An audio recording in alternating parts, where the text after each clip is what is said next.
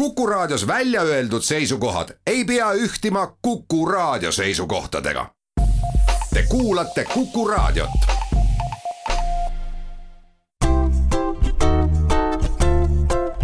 patsiendiminutid, Patsiendiminutid toob teieni Eesti Patsientide Liit tere, hea Kuku kuulaja! patsiendiminutid on taas eetris ja mina olen Kadri Tammepuu. me räägime täna silmahaigusest, mille nimi on katarakt ehk hall kae paar aastat tagasi nimelt võttis Haigekassa nõuks äh, vähendada nende inimeste hulka, kes seisid äh, katarakti operatsioonile pääsemise järjekorras. ja uurime täna, kui kiiresti abi saab ja mis juhtub, kui ravile pääsemine liiga kaua aega võtab. meil on teisel pool kõnetraati kuuldel Ida-Tallinna Keskhaigla silmaarst Kadi Palumaa, tervist! tervist! Kui me alustame päris algusest, mis haigus see katarakt on? ma saan aru, et tegu on vist rohkem eakamate inimeste haigusega. katarakt ehk, ehk hall kaet, meil on kõigil silmaläätsed, mis siis äh, teatud vanuses hakkavad natukene muutuma. see tähendab näiteks ka seda, et kui inimene, kes näeb kaugele ilma prillita, siis peale neljakümnendat eluaastat umbes tuleb vajadus lugemisprilli järele. see on täpselt see, et see oma lääts enam ei fokusseeri neid kiiri silma põhjale, nii nagu noorest peast, lääts muutub jäigemaks. see ongi selline ealine iseärasus, ealine muutus, mis siis meil kõigil äh, inimestel äh, nagu täiesti loomulikult aset leiab. võib isegi öelda, et see ei ole haigus, vaid see ongi niisugune ealine iseärasus, et kõigepealt me saame seda tõesti korrigeerida, ütleme prillidega, lugemisprillidega, aga kui see silmalääts muutub aina jäigemaks ja aina läbipaistmatumaks, ja inimene enam ei näe hästi kaugele või ka lähedale, et see lääts läheb, ütleme, tuhmiks, läheb, läheb halliks, siis sealt tuleb ka see nimi hall kae, siis me võime tõesti juba rääkida nagu hall kaest ehk siis kataraktist. sel puhul on ainukene ravimeetod ongi operatsioon, siis tähendab seda, et see oma, oma lääts vahetatakse välja, pannakse asemele kunstlääts, mis on ilusti läbipaistev ja mis püsib seal elu lõpuni Te ütlesite, et ähm, hallkaed äh, põhjustavad lisandunud aastad.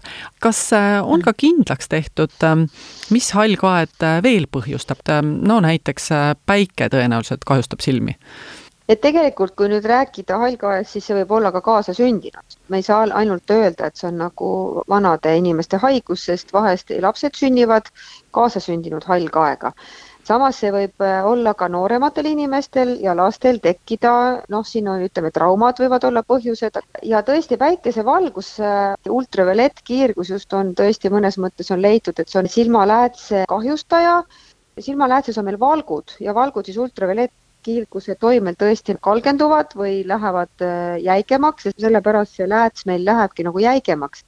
kuid teisest küljest võttes on niiviisi, et ega, ega loodus ei ole rumal selleks, et seda ultravioletti ei saabuks ka liiga palju silmapõhja, sest ultraviolettkiirgus võib põhjustada ka silmapõhja erinevaid äh, haigusi, siis vahepeal ongi nii-öelda see filter, on see oma lääts, et tegelikult sellega et see lääts läheb tuhmiks, ta tegelikult, ta kaitseb silmapõhja.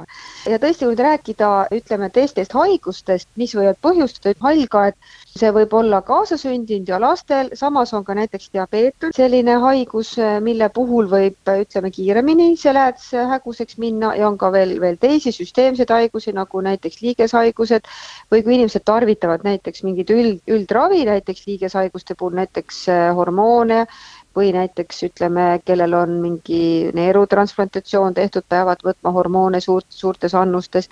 Ja kõik sellised äh, üldhaigused ja ka ravimid võivad vahel põhjustada selle läätse hägustumist ehk siis selle halli kae teket väga tihti räägitakse, et suitsetamine ja joomine, alkoholi tarbimine on väga halvad, kas need ka silmaläätse kuidagi mõjutavad? Noh, selge see, et nad head ei ole. kas nad nüüd äh, otseselt hallkaet põhjustavad, aga kui vaadata patsiendile silma, siis tihtipeale annab see ülevaate patsiendi noh, üldtervisest. näiteks ka, kui on nooremal inimesel, on juba hall kae, siis sa kohe mõtled, et mis haigused tal veel võiksid olla. näiteks veresontolupjumine, kõik sellised asjad, mis on tõesti nende kahjulike harjumuste tagajärg ja ateroskleroos, nagu öeldakse, silma vaadates saab tõesti aimu patsiendi üldtervisest, näiteks ma olen isiklikult näinud sajaaastast patsiendi, kellel silmalääts oli praktiliselt läbipaistev ja sellest ma järeldasin ka seda, et tal ka üldtervis oli, oli väga-väga korras, et tegelikult eh, organism on üks ühtne süsteem, kui eh, ühest kohast logiseb, siis on seda näha ka silmas kuidas siis on, et kas arstil piisab ainult äh, inimesele silma vaatamisest ja ütleb, et no ega siin midagi teha ei ole, tuleb minna operatsioonile? no võib ka nii öelda jah, aga samas me, me peame mõtlema teiste haiguste peale, mis silmas on, ütleme hallkaelõikus on väga selline ütleme, efektne operatsioon, sest kui muid patoloogiaid ei ole silmas, näiteks on silmarõhu probleeme ei ole, mis, mida nimetatakse siis glaukoomiks, või ei ole silmapõhja muutusi mis siis nimetatakse, erinevad patoloogiad on silmapõhja lupjumised, siis tegelikult see hallkaelõikus annab väga head efekti. et tõesti ennem operatsiooni patsient ei näe, peale operatsiooni ta näeb ja see on tõesti väga suur rõõm nii arstile kui, kui ka patsiendile. ja, ja tihtipeale juba sellepärast peab hallkaed opereerima, et näha rohkem silmapõhja ja et ka ravida teisi silmahaigusi. arst vaatab silma sisse ja ta näeb seal erinevaid haigusi kui nüüd on ka teised haigused, mis siis saab, kas siis äh, tehakse mitut operatsiooni koos või, või lükatakse üldse kae eemaldamine edasi? võib ka niiviisi, et näiteks tehakse kaeoperatsioon ja samal ajal tehakse ka näiteks glaukoomi operatsioon, mis siis on silmarõhu alandamine. teiseks äh, tehakse ka koos näiteks kaeoperatsioon ja silmapõhja erinevaid operatsioone, et neid annab teha koos ühes etapis ühe operatsiooniga kuid võib ka teha eraldi, et siin on juba arsti otsus, et kuidas parajasti vaja, vaja on. no kae on, eks ju, kui äh, arst ei näe ka silma sisse, patsient ei näe välja, ütleme niiviisi, et sellepärast tuleb see segav element nagu see hall kae sealt eemaldada ja siis on kohe selge, mis, mis seal muud haigused on silmapõhjal kui inimene ise vaatab peeglisse, kas tema näeb ka, et äh, tal kae areneb või tunneb ta mm. seda kuidagi teistmoodi, et noh, lihtsalt ei näe enam nii hästi? Jah, siin on see, et, et soovitatakse eakamatel patsientidel aeg-ajalt ise kontrollida oma nägemist, see tähendab seda, et patsient ise võtab näiteks, vaatab mingi seinakella või mingit pilti seina peal, paneb ühe silma kinni ja paneb teise silma kinni ja ta kontrollib, kas need silmad näevad tal võrdselt. tihtipeale on niiviisi, et patsient juba tuleb meile näiteks kas või erakorralise meditsiini osakonda jutuga, et nüüd äkki ta ei näe, samas me avastame, et tal on mõlemas silmas kae et kui ühes silmas kaob nagu nägemine ära, siis tihtipeale patsient ei panegi seda tähele, ta alles tuleb siis, kui juba mõlemas silmas juba on nägemine väga halvaks läinud. nii et see on see, mida meile ka ülikooli ajal professor Schotter alati rõhutas, et, et patsient peab, peaks ka ise kontrollima oma nägemist just nii, et üks silm kinni, teine silm kinni ja siis kontrollima, et kui üks silm hakkab halvemini nägema, siis ka sellega juba arsti juurde minna, see ei pea olema ainult kae, seal võivad olla ka, ka teised probleemid. samas muutuvad ka värvid et kui see kae tekib, siis patsient näeb nagu maailma kollakamates toonides ja kui näiteks patsiendil on üks silm ära opereeritud, siis ta kohe tunnetab ka seda värvivahet, et see, mis on ära opereeritud, sellega on nagu värvid on nagu kirkamad, on nagu sinist rohkem ja teise silmaga on nagu kollast rohkem. kui kahe silmaga koos vaadata, siis ajus pannakse need pildid nii-öelda kokku ja, ja seda patsient ei tunne, kuid eraldi vaadates on, on kindlasti erinevus kahe silma vahel Läheme siit korraks väikesele pausile, aga mõne minuti pärast oleme tagasi. patsiendiminutid. patsiendiminutid toob teieni Eesti Patsientide Liit stuudios on Ida-Tallinna Keskhaigla silmaarst Kadi Palumaa ja Kadri Tammepuu. me räägime täna hallkaest kas on siis nii, et tegelikult silmi opereeritakse ükshaaval, sest äh, kui peaks midagi juhtuma, siis äh, on inimene nägemisvõimetu? jah, tavaliselt me teeme ühe silma kõigepealt ja siis üks kuu või kuu-pooleteist pärast teeme teise silma, kuid on ka erandeid erandid tähendavad seda, et kui patsiendil on väga näiteks raske liikuda ja raske tulla operatsioonile ja tal on mingi üldhaigus või vahest harva tehakse, kui on patsiendil näiteks äh, mingeid muid haigusi, siis tehakse ka näiteks üldnarkoosis operatsioon, siis me teeme kindlasti kaks silma korraga. tavapraktika on ikkagi see, et, et me teeme ühe silma, üks silm paraneb kenasti ära aga, aga laste puhul on küll niiviisi, et kui laps on, on kahe, kahepoolne kae näiteks kaasasündinud, siis tehakse kohe alati koos nad. et selles mõttes nagu see infektsiooni oht või põletiku oht tõesti on ka teema, aga teoreetiliselt ega ei ole isegi kirjeldatud, et kui tekib ühe silma põletik, et siis see tekib ka teises silmas. ja mis pärast operatsiooni saab? no kui inimesel läheb midagi silma, siis silm hakkab vett jooksma, valutab, võib-olla ei näe hästi. kuidas operatsioonijärgselt silmaga on, kui kaua see taastumine siis aega võtab? taastumisega on niiviisi, et siin on meil täpne raviskeem, antakse patsiendile niisugune väike raamatukene kaasa, kus on siis kirjutatud, mismoodi tuleb peale operatsiooni käituda esiteks on see, et seda silma ei tohi nühkida, ei tohi teda sügada, ei tohi tõsta, ütleme, raskusi, esimesed päevad ja esimesed nädalad on kohe hästi oluline. tavaelu võib elada, aga mingeid ekstreemsusi nagu ei teeks, et kohe ei läheks aiamaale maad kaevama ja peapidi ei oleks kuskil voodi all, otsiks susse. et selles mõttes sellised äh, ekstreemsud on nagu keelatud ja peab panema korralikult silmatilka ja hästi tuleb hoida puhtust, sest see silm on, on selline operatsiooni järgselt, kus me tavaliselt ühtegi niiti ei pane, see haav on küll kaks koma kaks või kaks koma neli millimeetrit, see on küll hästi väike haavakene, kust kaudu see operatsioon tehakse, kuid äh, ikkagi, äh, kui seda silma puutuda ja nühkida, siis see haav võib, võib lahti minna, sealt võib sisse minna põletik.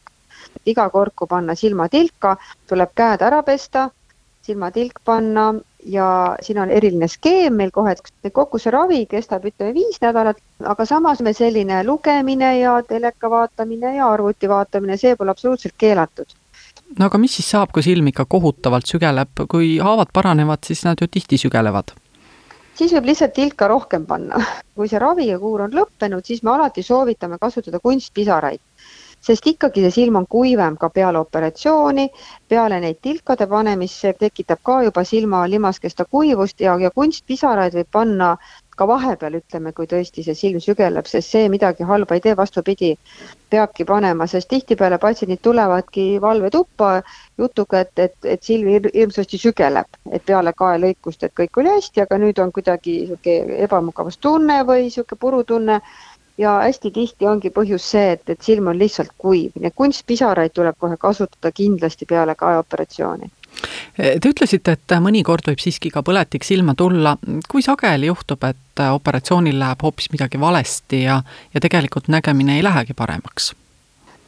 midagi läheb valesti, see on juba niisugused raskemad operatsioonid, eks meil arstid ole ka näinud igasuguseid silmi raskemaid ja kergemaid, et tegelikult äh, suuri tüsistusi ikkagi juhtub üli-üliharva.